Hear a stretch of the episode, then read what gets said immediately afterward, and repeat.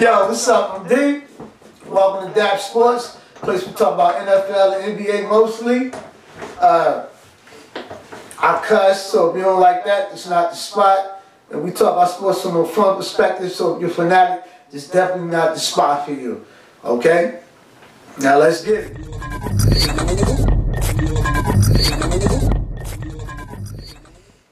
First up, we still dealing with the calls, man. We still a week later, we still talking about the bad calls of the New Orleans Saints and the uh, Patriots. And I want to let everybody know, from the bottom of my heart, it's y'all fucking fault for believing in these motherfuckers. They don't give two fucks, man. It's a billion dollar business and it's phony. So let me break that news to y'all right now. For everybody who don't know, I ain't gonna say it's rigged. I'm just saying they do what they want to do. Everybody talk about it's a rule in the book that uh you could replay the game. Seriously. Anybody think that was gonna happen? Does that rule even need to be in the book? Let's be honest. No. But y'all don't gotta believe me. I figured I would let the players themselves tell you about it. Ones who've been on TV, the ex-players, and uh, some of the people with sources. So I'm gonna pull that footage up. Y'all check it out. Let me know what you think, cause I, yo, you don't believe in this shit too much. It's for fun. You take the Kansas City. The Saints are feeling bad enough. You take the Kansas City Chiefs. I've played Tom Brady and know what that feels like to watch a penalty not be a penalty.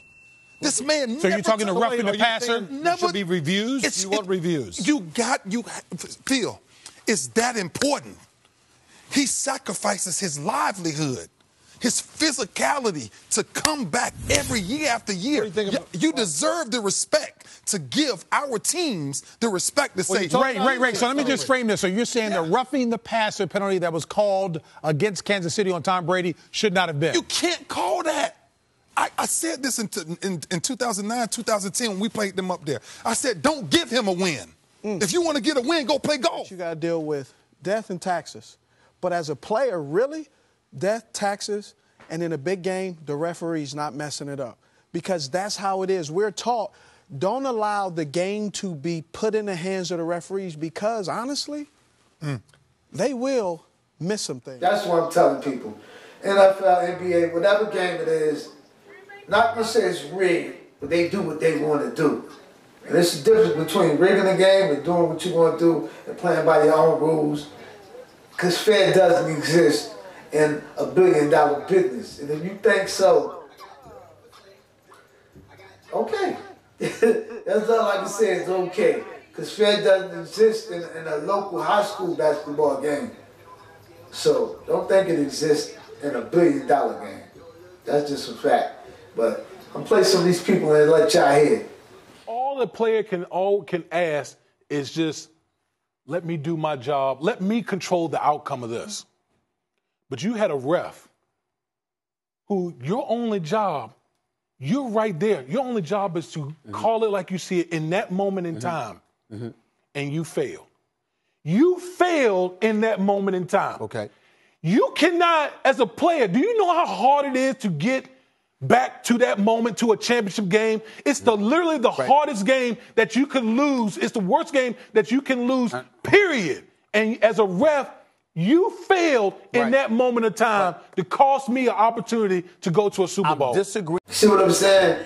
Players themselves know it's fucked up. They deal with it, they gotta deal with it. I think Steve Smith had the best point. He said, do not let the ref do not let it come down to a blown call by the referee. That's what they taught. And it's for a reason. He said they will miss some things. Now, is he straight up the NFL corrupt? No. But does it have its own set of rules? Yes. So that's my own debate. Don't think the NFL fair. It's not. Get up off of that. Alright? Alright. Anthony Davis requested trade. I love that. That's why I'm wearing my Knicks hat today, baby. We got a chance to get him. I don't want y'all Lakers to popping off like y'all just know LeBron gonna get him. Might be a Knick, man. They never when you request a trade demand, don't always work out for you. I mean, it still worked out for Paul George and OKC, but he wanted to go to LA. Kawhi wanted to go to LA, ended up in Toronto. George ended up in uh, OKC from Indiana. So you best believe that Anthony Davis could end up in New York.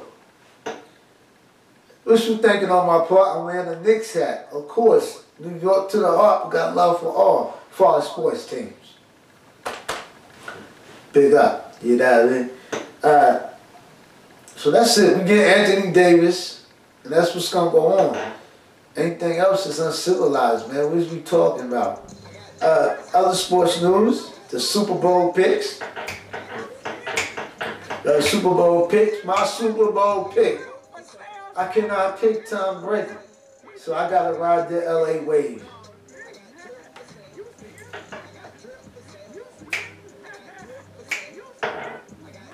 Got drink for sale. Go ahead, Fly. Tell him. What? That's the thing, man. Thanks for tuning in to Dap Sports.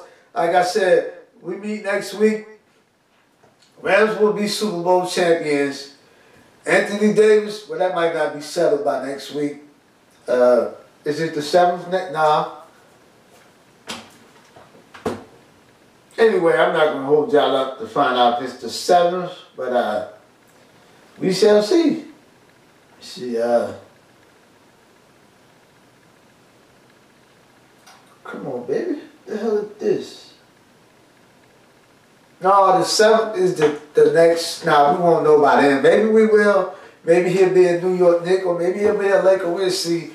Wishful thinking on my part. It makes sense to be a Knick. Anything else is, uh,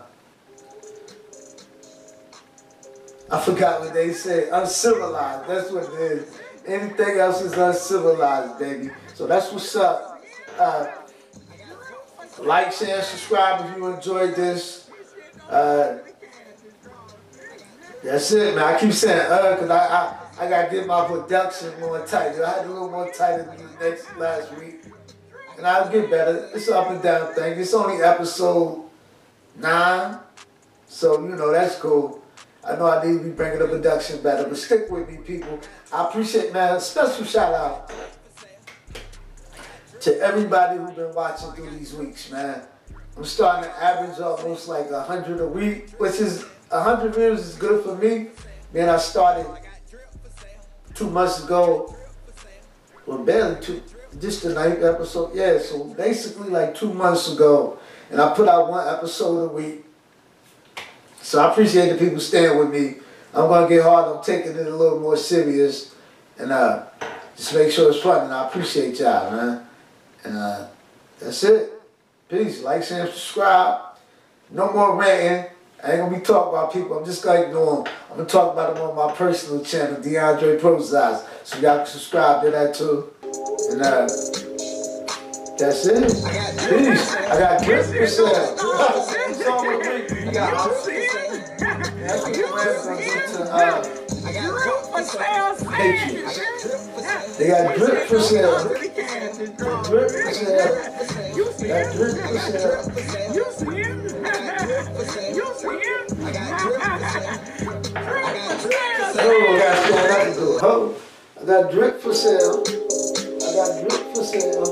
I got drip for sale. Drip for sale. Oh, shit. I'm trying to see this shit. I got drip. I got drip for sale. This shit don't stop. You see him? I You got drip see for sale. I got Drip drip for for sale. sale, I got drip for sale. This shit don't stop till the cash is drawn. I got drip for sale. You see him? I got drip for sale. You see him? drip for sale. You see him? I got drip